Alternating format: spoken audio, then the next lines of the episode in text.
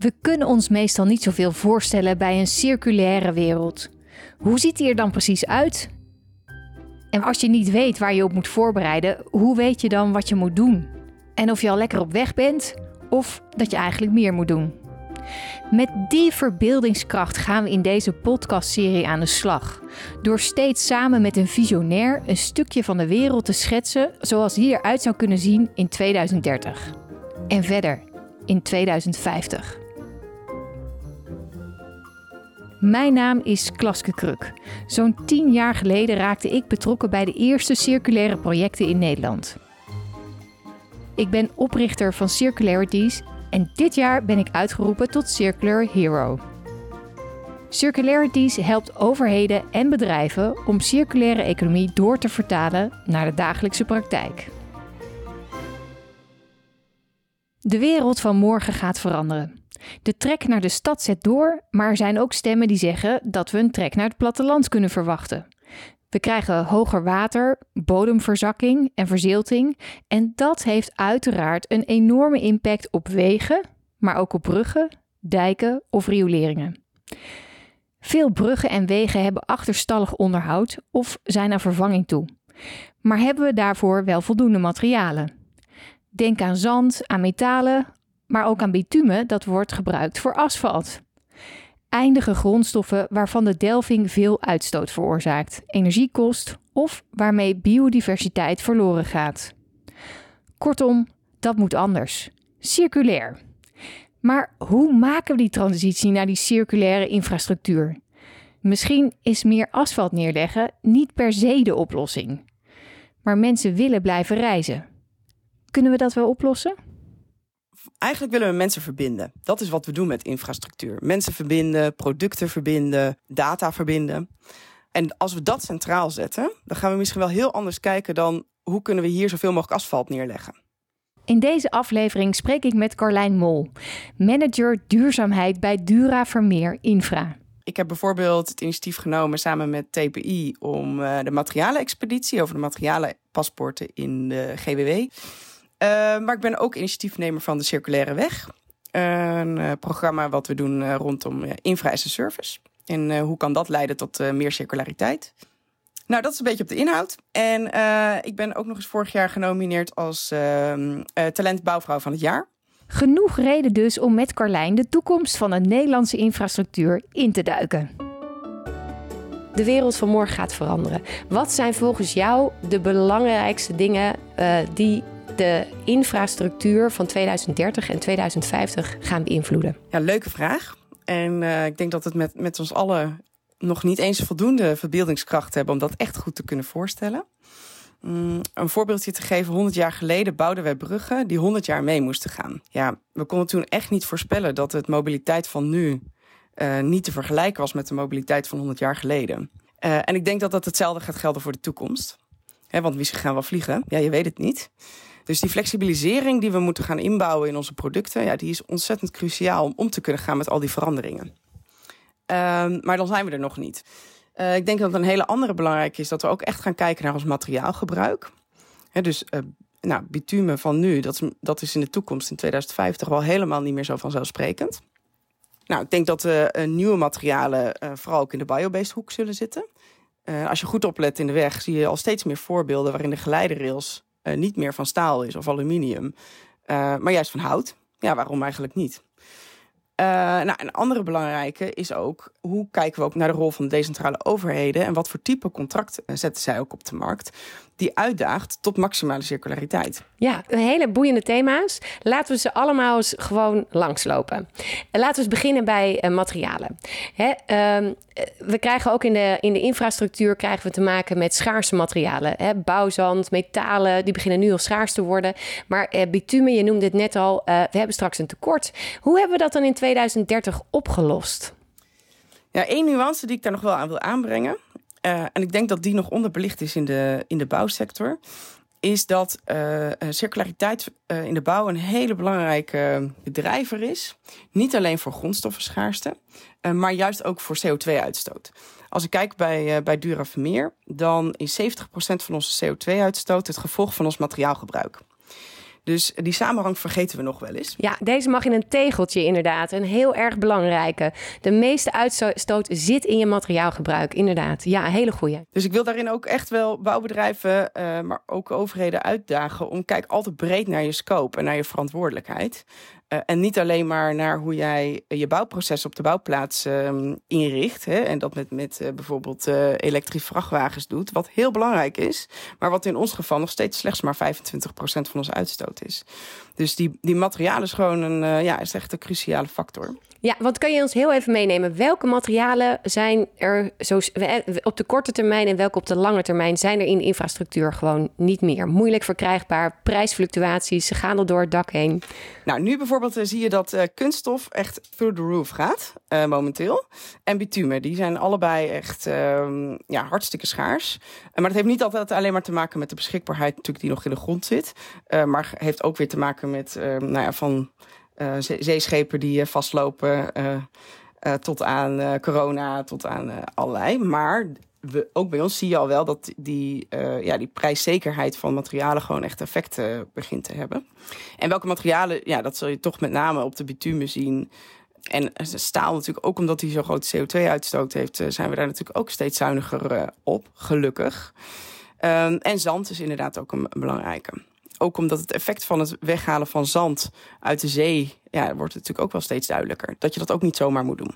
Nee, want het, behalve dan dat het oh, schaars raakt, heeft het natuurlijk ook enorme heftige milieueffecten die heel schadelijk voor ons mensen zijn. Ja, en gelukkig weten we dat steeds beter met elkaar.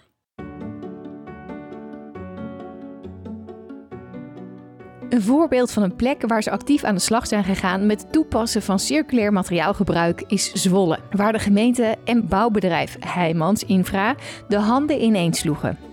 Het gevolg? Een fietspad dat voor 60% bestaat uit gerecycled beton.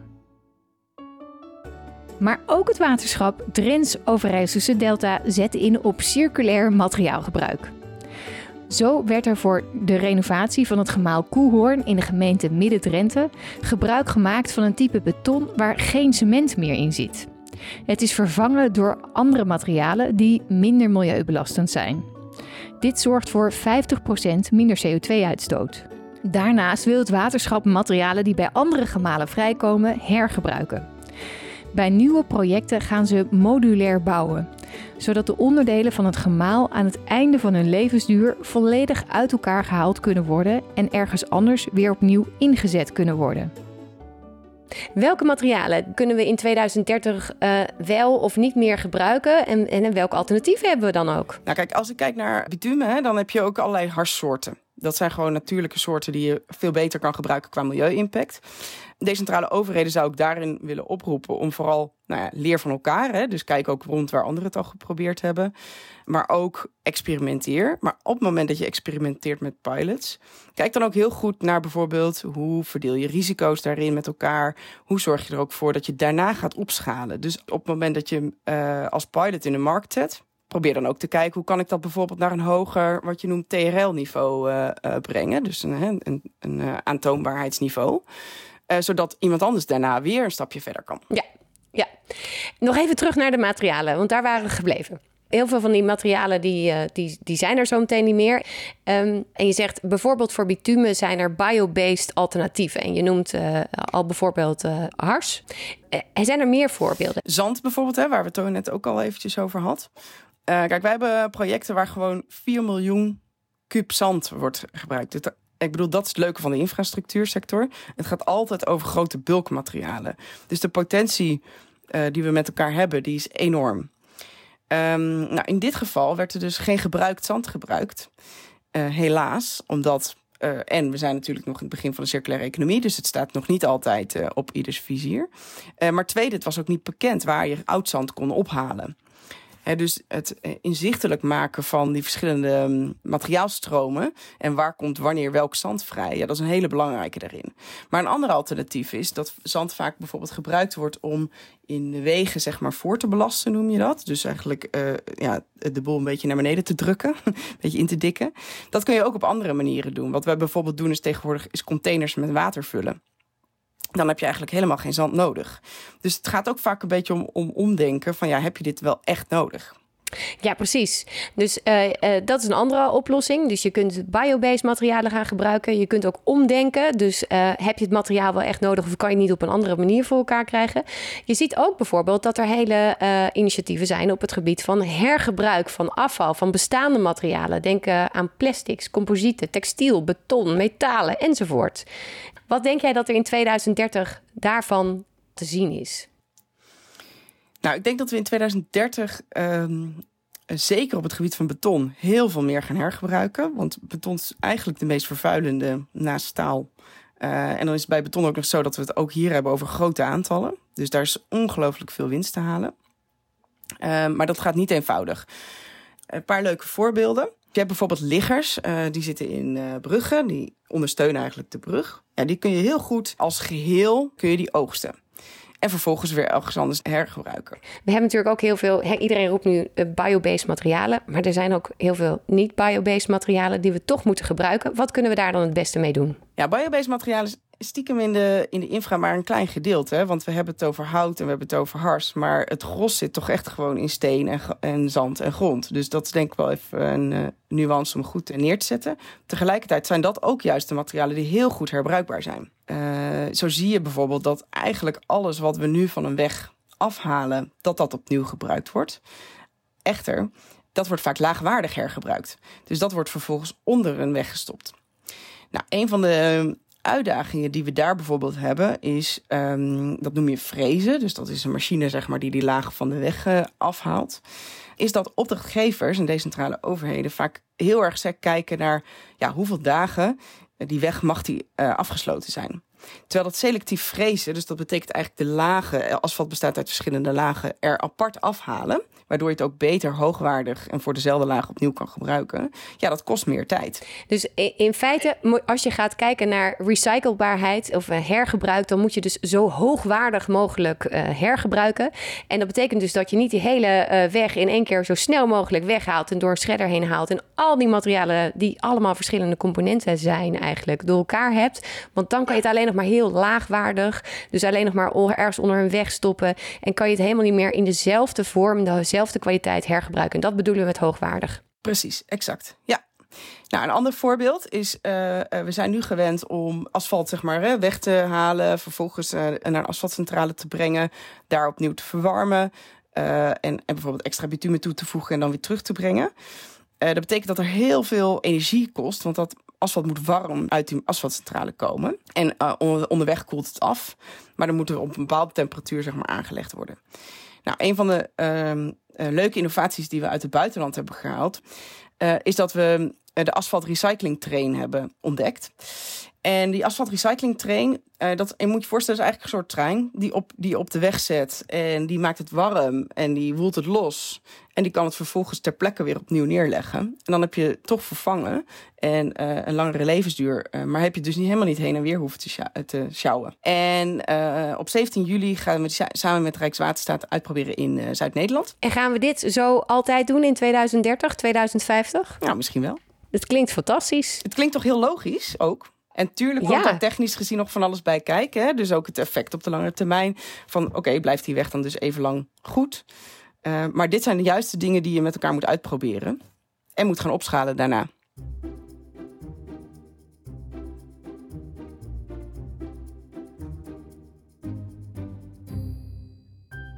Er valt dus nog een hoop te innoveren op het gebied van circulaire infrastructuur.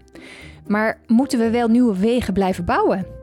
De meest circulaire oplossing blijft niet bouwen als dat niet noodzakelijk is. En dat vergt een andere manier van kijken naar mobiliteit. Bijvoorbeeld is het wel nodig dat iedereen zijn eigen voertuig heeft. Moeten we niet vaker de trein, fiets of deelauto pakken? Dat vinden in ieder geval steeds meer steden. Zo is Amsterdam hard op weg een autoluwe stad te worden, worden in de binnenstad van Utrecht auto's grotendeels geweerd en heeft de gemeente Tilberg ook plannen om auto's uit het centrum te weren.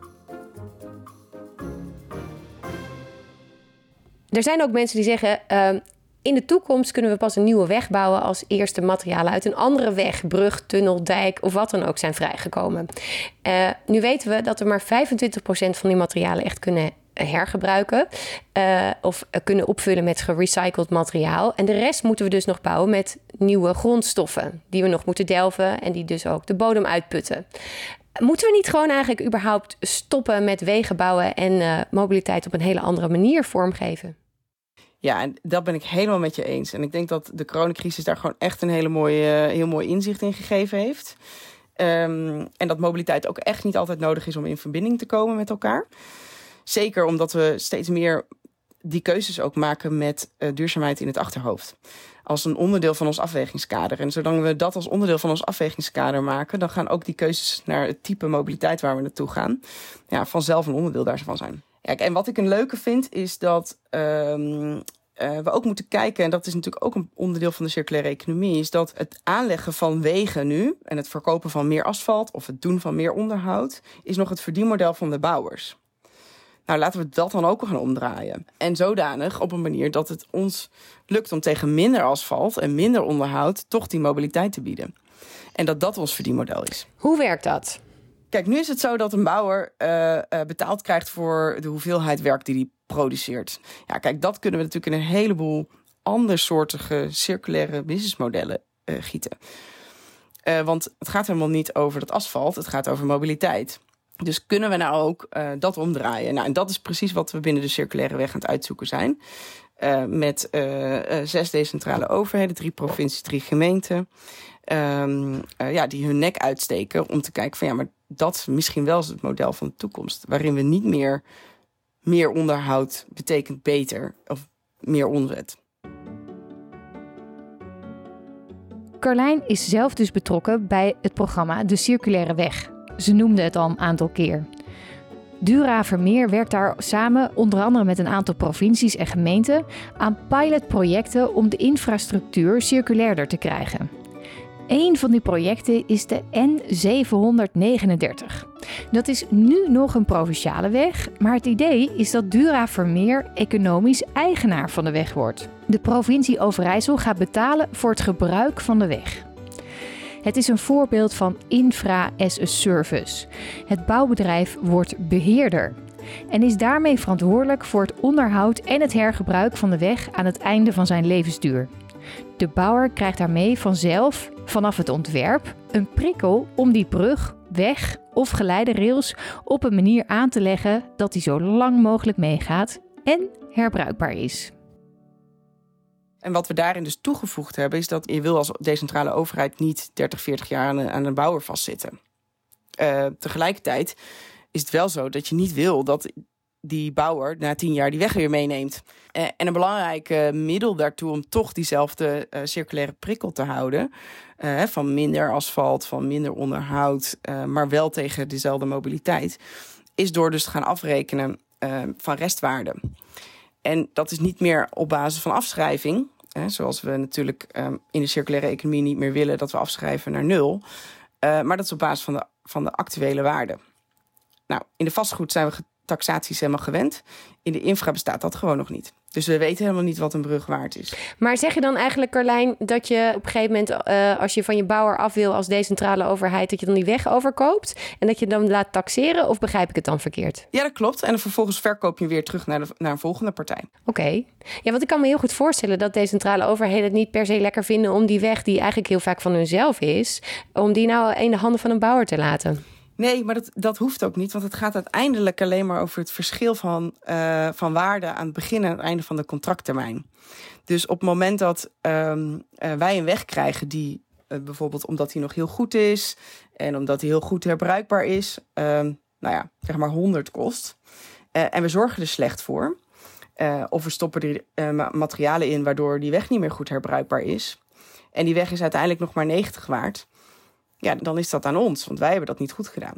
Of we zorgen er juist heel goed voor en die weg is nog heel lang uh, bruikbaar en hij is 110 waard. Ja, precies. Dus dan leg je eigenlijk de prikkel neer bij de bouwer om te zorgen dat die weg zo goed mogelijk blijft en dat die goed onderhouden wordt. Ja, en zo lang mogelijk meegaat en zo goed mogelijk herbruikbaar is. En dat is natuurlijk wat we willen in de circulaire economie.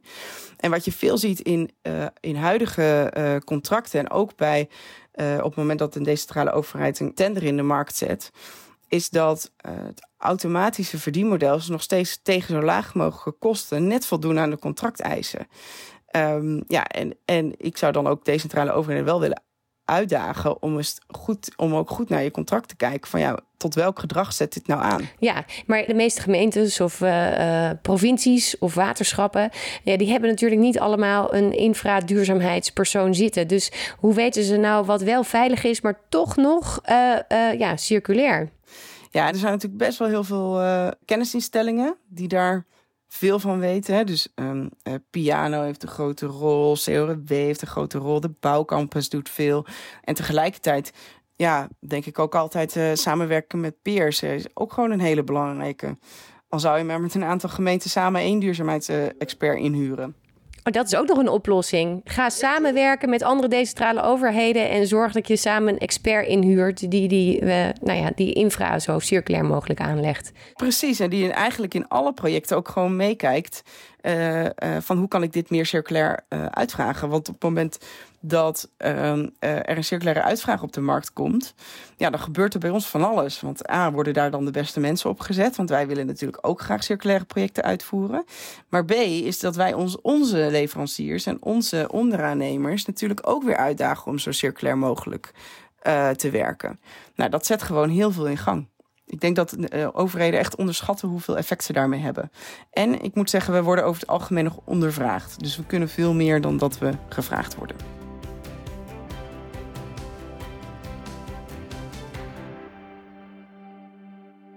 We moeten dus ook veel kritischer kijken naar de levensduur van wegen, bruggen, dijken enzovoort. Hoe doen we dat? Ja, nou, dat begint uh, volgens mij, waar we het net al even over hadden, uh, ja, met een integrale blik naar je verantwoordelijkheden. Hè, door, ook door de spelregels te veranderen. Uh, maar ook technisch gezien daar zijn daar gewoon best wel wat mogelijkheden. Data en nieuwe technologieën kunnen daar gewoon een hele grote rol spelen. Eh, wat je ziet is dat uh, we hebben 85.000 uh, bruggen en viaduct, viaducten in Nederland. En van een heel groot deel weten we eigenlijk niet eens wat de echte levensduur is. Dus terecht, uit veiligheid, voor, willen we voorkomen dat hij iets te lang meegaat. dus kan het best wel zo zijn dat we bij een heleboel van die 85.000 toch eigenlijk eerder slopen dan nodig is. Of eerder vervangen, moet ik zeggen. En uh, door juist bijvoorbeeld met betonsensoren of met allerlei andere nieuwe technologie veel nauwkeuriger te gaan kijken van ja, hoe gedraagt die brug zich. Uh, en is het al wel echt nodig om hem te vervangen? Ja, dan kunnen we best wel eens heel veel vervanging veel meer uitspreiden over de tijd. maar een ander voorbeeld is onze auto. Die heeft heel vaak een kastje tegenwoordig. En die haalt ongelooflijk veel data uit die, uit die auto. En een van de dingen die je dus ook uit gewone personenauto's kan halen, is de rafeling of de stroefheid van het asfalt. En daarmee kun je ook veel beter eigenlijk ter plekke zien uh, waar uh, de weg aan vervanging toe is en waar ook nog niet. Dan is niet meer de vervangingskalender uh, van, de, van de overheid zeg maar, leidend, maar de daadwerkelijke kwaliteit van de weg. Ja, super interessant. Als we het hebben over het renoveren of bestaande wegen, hè, dat is een van de hele grote opgaves in Nederland. Eh, want veel bruggen in Nederland zijn gebouwd na de Tweede Wereldoorlog en moeten de komende jaren bijvoorbeeld vervangen worden. Hoe gaan we dat dan op zo'n circulair mogelijke manier doen? Nou, dat gaan we zo circulair mogelijk doen door dat wat er vrijkomt altijd zo hoogwaardig mogelijk te hergebruiken. Uh, in bruggen kan dat goed, in wegen kan dat goed en met zand kan dat goed. Uh, dus wat dat betreft hebben we enorme kansen in de, in de infrastructuur. En de vraag is ook wel, um, uh, hoe kun je dus als overheid ja, in je contract en in je inkooprol daartoe zo ma maximaal mogelijk uitdagen. Maar goed, onderaan de streep is het zo dat in het afgelopen jaar nog steeds 65% van de uh, opdrachten in de infrastructuur puur en alleen op prijs zijn gegund. Ja, dat zet ons vaak echt niet aan tot, uh, tot uh, meer circulair gedrag omdat we dan toch kijken van ja, hoe kunnen we tegen zo'n minimale kosten uh, deze weg ja, net voldoen aan de contracteisen. Dus dat is hartstikke zonde. En het tweede is dat ja, bij die vervangingen kun je ook gaan kijken van hé, hey, maar hoe kan ik er nou voor zorgen dat, dat dat in de toekomst dus flexibeler is. Eh, door demontabel te bouwen. Uh, juist omdat veel van de bruggen uh, ook eerder gesloopt worden dan die 100 jaar die misschien nodig is, omdat de functie verandert. Nou is standaardisatie daar natuurlijk de key, want op het moment dat je dus een flexibele brug hebt, uh, en je wil dat die kan uitwisselen met een andere brug, bij wijze van spreken, of ergens anders weer opnieuw gebruikt kan worden, ja, dan is het handig als er een bepaalde standaardisatie neergezet wordt. Nou, voor dat standaardiseren is het noodzakelijk dat decentrale overheden echt een rol pakken, ook samen met Rijkswaterstaat, van ja, maar wat voor standaarden willen we dan? Uh, want wij als bouwer kunnen niet een standaard verzinnen. Oké, en we zijn uh, inmiddels natuurlijk ook heel erg in de rol van de decentrale overheden gewandeld. Welke rol kunnen decentrale overheden nog meer spelen, behalve dan zoveel mogelijk circulair inkopen en uitvragen? Um, ik zou ook zeggen, durf ook te kijken naar je eigen rol. Dus ben jij een, een, overheid die bijvoorbeeld gewend is om heel erg strak voor te schrijven, ja, besef je dan uh, dat dat uh, aan onze kant meestal niet leidt tot de meest circulaire oplossing. Dus probeer daarin ook ruimte te schetsen en probeer juist die functie centraal te zetten. En van daaruit de markt uit te dagen om met de meest circulaire oplossingen te komen. En met functie bedoelen we dus, we moeten gewoon mensen krijgen van A naar B. Bedenk daar de meest circulaire oplossing voor. En niet een zo dik beton uh, van dit soort. Van dat steenslag. Ja, klopt. Het geeft daar vrijheid in. Ja, precies. En wat je ziet is dat uh, veel overheden zijn gewoon gewend om een bepaald asfaltmengsel uh, voor te schrijven. Um, dat betekent dat in de praktijk er 300 verschillende asfaltmengsels zijn. Nou, je maakt mij niet wijs dat die alle 300 nodig zijn. Dat ook al die 300 echt allemaal het beste zijn. Um, en dat is heel onhandig, want als er 300 soorten zijn, zijn ze natuurlijk ook 300 keer misschien wel heel anders. En dus heel moeilijk weer opnieuw inzetbaar. Klopt, ja. Ja, en dus belanden ze als granulaat onder de, onder de weg. Um, ik heb één onderwerp waar ik nog heel even mee naartoe wil. Um, er zijn ook mensen die zeggen, ja, infrastructuur en natuurgebieden, die moeten in de toekomst veel meer met elkaar verbonden zijn. Uh, natuurinclusieve infrastructuur. Uh, wat vind je daarvan en waar moeten we dan op letten als we zo meteen in 2030 zijn? Hoe ziet dat er dan uit? Ja, ontzettend relevant uh, onderwerp. want uiteindelijk circulariteit een heel belangrijk middel om onze uitstoot te verminderen. Maar onze uitstoot verminderen is ook weer een heel belangrijk middel om een gezonde en groen ecosysteem uh, te hebben met elkaar. Uh, dus daar hebben we ook als infrastructuur echt een belangrijke rol te spelen. Maar we zijn tot dusver nooit gewend om dat mee te nemen in, in onze afwegingen. Um, en ik besef me dat, dat dit onderwerp nieuw is. Hè? Dus we vinden het eigenlijk al heel moeilijk om natuurlijk naar uitstoot te kijken. We vinden het al heel moeilijk om naar circulariteit te kijken. Dus deze komt er bovenop. Uh, maar tegelijkertijd is dit misschien wel de meest relevante van allemaal. Ja, precies. Dus kijk niet alleen naar je weg, dijk, brug, wat dan ook. Maar, uh, en de bermpaaltjes en de, lant en lantaarnpalen enzovoort. Maar kijk ook naar de natuur die er omheen ligt. En hoe kan je die zo best mogelijk eigenlijk intact laten. En dus ook de biodiversiteit daar best uh, mee bewerken. Ja, zeker. Uh, heel simpel voorbeeld. Als je een uh, oever op een bepaalde hoek neerlegt, dan is het heel moeilijk voor de biodiversiteit om te groeien. Terwijl als je die wat, net wat schuiner maakt, dan is het juist heel veel kans om te kunnen floreren.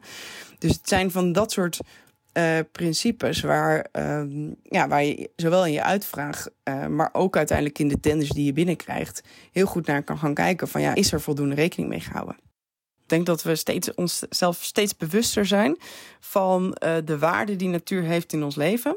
Um, en daarmee ook steeds kritischer zijn op, uh, uh, op de plekken daar waar we het weghalen of daar waar we het terug kunnen geven. Dat, dat moet toch de meeste mensen ook wel weer fijn in de oren klinken. Als je minder asfalt nodig hebt en meer groen. Ja, in 2050 dan uh, hoop ik dat we leven in een wereld waarin we in balans zijn met de natuur. En waarin de infrastructuur een hele zinvolle plek heeft om mensen en natuur en, en middelen met elkaar te verbinden. Maar dat doet op een manier die past in die omgeving. Die uh, geen uitstoot meer heeft. Die volledig bestaat uit 100% uh, materiaal wat al een keer eerder gebruikt is. En wat hierna weer opnieuw gebruikt gaat worden. En waarbij we eigenlijk altijd niet alleen het nu voor ogen houden, maar ook de generaties die na ons komen.